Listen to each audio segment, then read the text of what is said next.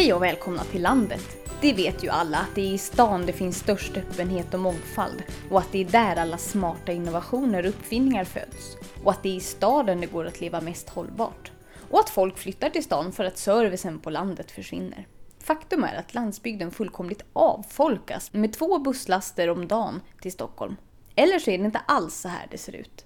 Idag ska vi slå hål på några av de vanligaste myterna om den svenska landsbygden. För myter och fördomar är något som ofta sätter käppar i hjulet för en bra landsbygdsutveckling.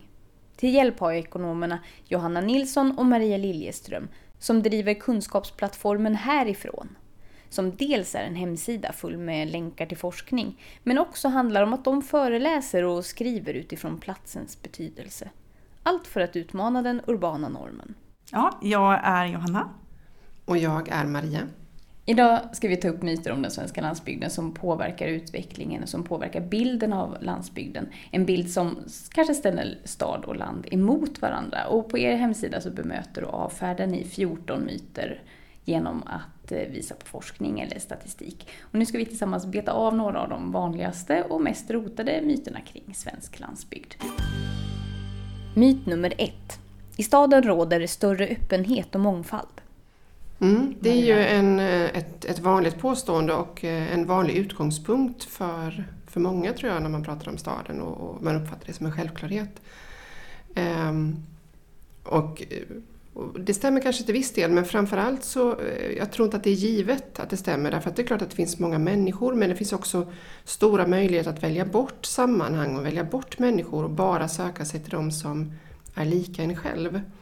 Att vi kanske i en större stad där det finns de möjligheterna lever mer segregerat än vad man gör på en mindre plats där man faktiskt inte har möjlighet att välja bort eller möjlighet att liksom bilda grupper med likasinnade utan här möts vi på ett ganska naturligt och alltså det ingår i det, i det livet i större utsträckning. Så att mångfald utan integration är ju liksom i stan då tänker jag, eh, är ju kanske inte den mångfald vi tänker oss när vi pratar om den här öppenheten och mm. mångfalden. Eh, ser man på olika segregationsindex och så, så är de större de, högre i de större städerna. Men precis som du säger, det är ju verkligen en inbiten föreställning att i, i staden så kommer alla de här positivt laddade orden på varandra som mångfald och, och kreativitet och liksom möten och dynamiska process, processer och så. Och det är ju inte alls givet. Eh, en sanning med modifikation. En sanning med modifikation. Ja. I många mindre orter och så, så, så går ju alla i samma skola och man möts i samma affär och man möts på samma fotbollsplan och då kräver det ju att man faktiskt pratar med varandra. Myt nummer två. Innovationer och förnyelse uppstår i städer. Ja, jag, känner, jag känner redan pulsen gå upp liksom bara vi pratar om detta. Men, eh, ja, men detta är ju, och jag minns så väl, det var en artikel någon gång av eh, i eh, DN, eller hur Mia?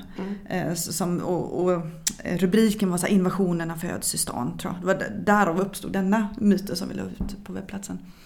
Och jag tänker här beror det ju väldigt mycket på liksom hur man mäter. För oftast mäter vi innovationer med hjälp av patent och de registreras ofta på de stora företagen som är placerade med sitt huvudsäte i de stora städerna.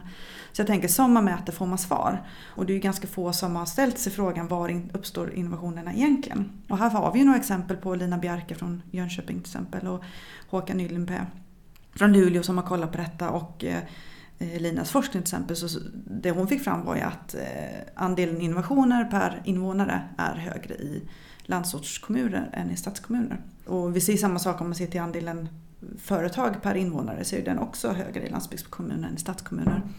Så att jag tänker att man får verkligen svaren som man mäter och ser man till alla typer av innovationer så är bilden eh, mycket mer, ja den ser annorlunda ut helt enkelt. Och om innovationerna uppstår på ett sätt på en plats så kanske de uppstår på ett annat sätt på en annan plats. Så jag tänker att det, är olika strukturer men, men är det ena bättre än det andra? Nej, alltså alla, vi behöver alla innovationer. Både de som man kan ta patent på och andra och de man inte kan ta patent på. Ja, mm. precis, att imitera någon annan kan ju ha lika stor effekt för en plats och för Sverige och för ekonomin som en radikal innovation. Alltså syftet med en myt är ju ofta att man, vill, man har ett budskap om man vill liksom skapa en mm. bild. Så tillbaka till förra myten som handlar om eller kreativitet och öppenhet och möten i stan. så, så vill man med det här sättet att mäta så förstärker man ju också hela bilden av att, Mm. att det är i stan det händer, det är där mötena uppstår och det är där innovation och Mm. tillväxt uppstår. Eh, istället då för att, som du säger, breddar man definitionen så får du en helt, ett helt annan bild men den stämmer inte överens med den där man vill förmedla. Mm. Och då kan man också undra, var går forskningspengarna då? Alltså om vi har bilden av att innovation uppstår i stan Ja. så, så, så klart att det gynnar den, den strukturen över hur vi, vi eh, ja, genomför projekt och så vidare. Och det är förödande för då på något sätt eh, gör vi myten sann till slut. För det var väl även så i Linas forskning att alltså normalt så, så mäter man, eh, när man mäter det här så tittar man på företag som är mer än fem anställda. Ja, det var något sånt. Ja, att så hon tog också- även med företag som var mindre och Mm. tittar man på landsbygden eller mindre orter så är det ju mer mindre företag och de var liksom utelämnade ur statistiken vilket också då blir en förvrängd bild Mm. av hur det ser ut. Mm. Myt nummer tre. Landsbygden avfolkas och Stockholm växer med två busslaster om dagen. Ja, det är ju också en återkommande bild. Eh, och, och det man vill måla upp är ju liksom att det på bussar bara stiger på folk från andra delar av landet och alla liksom drar mot Stockholm och, och ja, man får bilden kanske även av vilka som sitter på den här bussen. De är unga och hungriga och Ja. ja, Så. på G liksom. Men tittar man liksom på, på siffrorna så, och bara går till exempel på Stockholms, alltså Stockholms kommun, inte hela Storstockholm, så tror jag det är alltså runt 40-45 personer, alltså de växer med 45 personer om dagen. Eh, och då är hälften invandring och hälften är eh, födelsetal. Så att, eh, och det är inte, det är inte så att inte Stockholm växer, Stockholm växer. Det är helt överens. Men, men på vilket sätt och vad är det för bild man vill måla upp och, och var består den här tillväxten av? Och jag tror, för, för några år sedan så var det i alla fall fler som flyttade från Stockholm till andra delar av landet än tvärtom. Jag läste någonstans att en väldigt stor del av inflyttningen till Stockholm, Stockholms kommun, kommer från Stockholms Andra, län. mm. Och jag tror de här, två, den här busslasterna, det, då räknar man på Storstockholm. jag tror vi har kollat på det, man kommer ju aldrig upp till två busslaster. Ja, men där roligt. kanske man ändå hamnar ungefär. Men det är ju Mm. liksom väldigt många kommuner. Men det är man inte så tydlig med, tänker jag. Nej, och det är födelsetal hälften av den här busslasten och så är det invandring. Mm. Och det är ju så, den här bilden av bussen är ju, alltså vi- man återkommer ju till den. Alla får ju bild av hur den ser ut. Men sen som sagt, Stockholm växer. Det är ju inte det, är inte det vi liksom på något sätt förnekar. Nej. Men det är ju vilken bild vill man göra av tillväxten Mm. Mm. och vilka, på vilket sätt Mm. den här migrationen ser ut. Myt nummer fyra. Servicen minskar eftersom folk flyttar. Och det har väl, tänker jag, en, en fråga som varit omtalad i många år. Liksom, varför, varför försvinner service och infrastruktur? Jo, men det är ju liksom för att folk flyttar. Sen, liksom, det har ju gått vad är hönan och ägget har man ju liksom diskuterat länge. Men det är ju få som faktiskt har kollat på det. Men då var det en forskare här för något år sedan som kollade på just det. Och det blir ju väldigt medialt kring det han tog fram. Som visar att staten var ju en pådrivare i den här utvecklingen att faktiskt dra tillbaka eh, service. Och, eh, och det var ju ett fantastiskt inlägg i debatten tänker jag. För då hade man svart på vitt hur det såg ut. Och det var inte företagen då som drivs av människor som bor på platsen som, som flyttade först. När staten drar sig undan och minskar på servicen, då försvinner också annan service. Kanske Mm. den kommersiella servicen och sen Flyttar man. Mm. Och jag tror även i eh, Jordbruksverkets Allt, Allt om landet Mm. så kunde man också se tydligt, för det finns ju vissa serviceinrättningar som kanske är mer eh, kritiska och avgörande för, Mm. eh, när, för ett boende. Och då var ju förskola till exempel en sån, beror på hur man definierar servicen också. Men förskola, eh, alltså stänger den så flyttar folk. Mm. Eh, inte vice versa. Man vill inte att barnen ska ha lång väg till Nej, förskolan. nej. Och lite har ju retoriken varit så att ja, men vi kan inte upprätthålla servicen om folk flyttar för det blir för få som är kvar. Men eh, då är det verkligen en, eh, ja. Och där är ju spännande, Sant. tänker jag, nu med ett aktuellt eh, kring Sollefteå där Mm. BB lades ner då Mm. och där de fortfarande ockuperar eh, i Sollefteå.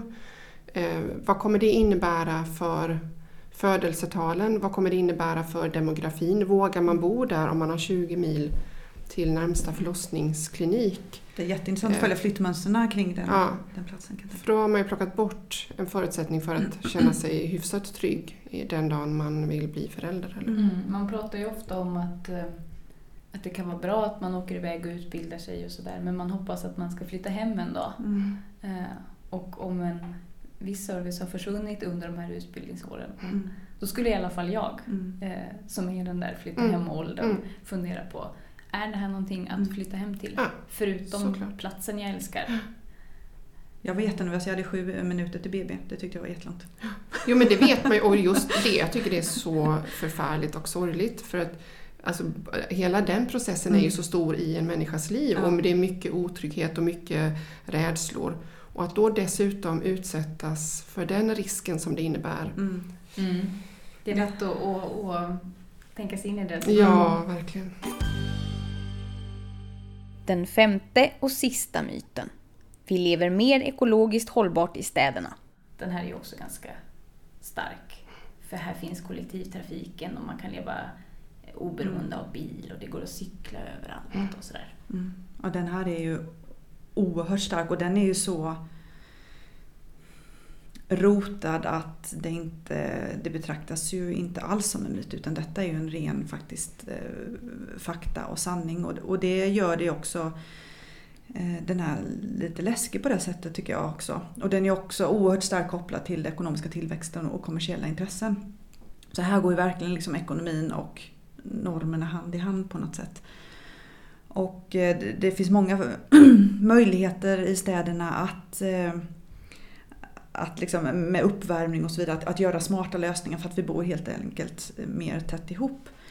Men eh, ska man kolla på hela de ekologiska fotavtrycken så måste vi naturligtvis även ta med konsumtionen, vilket inte alltid görs. Och, eh, när man, och det var också Jordbruksverkets Allt om landet som exempelvis kollar på detta. Det finns många som gjort det naturligtvis. Men att de ekologiska fotavtrycken är ju störst i stora städer och i glesbygd men av helt olika anledningar. Men om man inkluderar konsumtionen till exempel så blir liksom bilden en helt annan och jag tänker också att städerna bygger mycket på att du ska konsumera.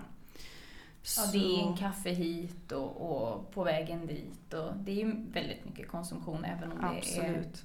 Och du liten utsätts ju också hela Mm. tiden för en lockelse i att konsumera. Det märker, Mm. tänker jag, var och en när man passerar en ja, gågata Mm. eller gata med skyltfönster. Alltså du, du uppmanas ju att konsumera. Men bilden är ju liksom det, det hållbara levernet. Eh, Den bilden som pumpas ut är ju att man bor i en lägenhet med liksom lite pallkragar utanför, det står en cykel. Liksom. Vi har ju alla sett de här bilderna och de är otroligt starka. Mm. Så bilderna är ju väldigt ensidiga och bara att bygga är ju inte hållbart i sig liksom, och man bygger i betong och sådär. Så att hela, men som sagt här finns otroligt starka kommersiella intressen och de här byggbolagen som vill Ja, det finns otroligt mycket att säga om detta men jag tänker att det är ju eh, verkligen inget som är grundat i fakta att städerna är mer hållbara än, eh, än landsbygden. Och eh, som du säger, man kan också leva hållbart på landet. Man kan ha eh, matproduktionen ganska nära eh, med uppvärmning, man lever i befintliga hus och, och så vidare. Så att, Jag läste faktiskt, det är några år sedan nu så jag vet inte hur väl siffrorna stämmer, men jag läste om där man hade gjort beräkningar på bilkörning och så. mm. Och det visade sig att de körde faktiskt mer bil i städerna ändå. Kanske inte om man bodde precis mitt i citykärnan, men om man bodde Mm. i någon sån där lite förort eller villaområde utanför, framförallt de här villaområdena, så tog man bilen till affären, kanske för att köpa chips. Det gör man inte på landet. Man åker och handlar mer sällan och då handlar man mycket och så man har ett annat tänk, liksom. Mm. det är inte det här spontana impuls. Mm. Och det, det kommer jag ihåg att det blev i alla fall jag förvånad över. Mm. Va? Kan det vara så att i vissa områden kör man mer bil? Och, och jag tänker hela samhället har ju gått igång på detta för vi har ju massa initiativ kring de hållbara städerna. Det är liksom myndighetssamverkan och det är projekt och det är pengar som går in i det och, och forskning och liksom allt möjligt. Och jag menar, det, det är bra, det ska vi inte, det är inte det, för vi behöver verkligen utveckla våra städer för att de ska bli mer hållbara. Men idag är ju retoriken att städerna är redan mer hållbara. Och att de är nyckeln till en hållbar framtid. Liksom. Ja. Att de, där sitter nycklarna. Vi måste ju se till hela samhällets hållbarhet och det går inte att skära ut de här tårtbitarna. Mm. Alltså då, vi kommer bita oss i svansen. Vi tänker hållbarhet är ju så mycket mer. Det är också resursflöden Mm. med sin omgivande landsbygd och så. så att, eh, jag, jag, det blir en återvändsgränd är jag rädd för när retoriken blir så knuten till liksom, städerna. Nu har vi gått igenom fem myter här. Några som har nyanserats lite och några som kanske verkar rent av felaktiga. Men varför finns de här myterna om, om de inte stämmer? Det heter ju ingen rök utan eld. Ligger inte någonting i dem ändå? Det ligger ofta någonting i dem, men jag tänker att syftet med, med en myt är ju att man vill sätta en bild och man har ett budskap. Och då eh, lyfter man fram liksom någonting som man vill förmedla. Och, och det är det som vi vänder oss emot, att även om mycket och, och flera saker stämmer så ger det oss föreställningar som leder åt ett håll som, som kanske inte eh, vi är överens om att vi ska. Eh, ta busslasterna till exempel. Jo men det stämmer, om vi tittar på Storstockholm så kanske vi kommer upp i två busslaster. Men då målar man upp den här bilden av att det sker en, en gigantisk omflyttning från land till stad. Därför att eh, ja, det är den bilden vi vill förmedla och det är det som är vårt budskap, eller den mytens budskap. Då. Och jag tänker det finns ju lite teorier om liksom, men varför finns den urbana normen? Vad är det för system den upprätthåller? Och eh, Arne Müller eh, sa ju att hans, eh, han var övertygad om att liksom vi har ett ekonomiskt system idag som premierar storhet och centralisering och att eh, den här urbana normen är ett sätt att upprätthålla det systemet, att rättfärdiga det. Det är en teori. Intressant. Avslutningsvis, jag tänker att ni måste ha hört väldigt mycket myter nu när ni liksom, ni föreläser i ämnet och ni läser mycket och sådär. Så vilken av de här fördomarna och myterna som florerar om landsbygden irriterar er mest? Alltså den som irriterar mig mest äh, är just det här att äh, vi så ofta har utgångspunkten att alla vill till stan. Äh, den upprepas ju dagligen i att ja, men vi ser ju att folk vill bo i städer och, på olika sätt så upprepas den. Och man använder ungas, häromdagen ungas flykt till stan. Alltså mm. man målar ju upp av att man vill bort från någonting och till någonting. Eh, och, och, så ser vi massa andra undersökningar eller communities som liksom vill, vill, alltså uttrycker an, andra saker och vill annat. Men de uppmuntras inte eller man, man satsar inte eller man bygger inte förutsättningar för att göra någonting annat än att flytta till stan. Och det handlar om utbildning, det handlar om kommunikationer, men det handlar också om de här bilderna och föreställningarna om vad som är rätt och fel och vad som är lyckat och inte lyckat. Så den är ju den som jag tror är den som retar mig mest. Mm. Och tänk om man hade bytt ut liksom ungas flykt till ungas tvångsflytt. För många gånger är det ju faktiskt det det är, även om inte många vill prata om det. Ja, den irriterar mig väldigt mycket. Mm. Ja, det som irriterar mig är den här hållbara staden. Alltså då, så fort det kommer upp så, så känner jag att jag blir... Eh, men det är väl också att den är så stark och man känner sig lite maktlös. Att det är väldigt starka intressen och många aktörer inne på den banan som gör att det känns som ett väldigt stort skepp att, att vända och att eh, som sagt det är mycket pengar inblandat. Och, eh, ja. Har ni någon som är, som är liksom skrattretande också? Som är så det är så tokigt att den finns att man egentligen mer skrattar åt det.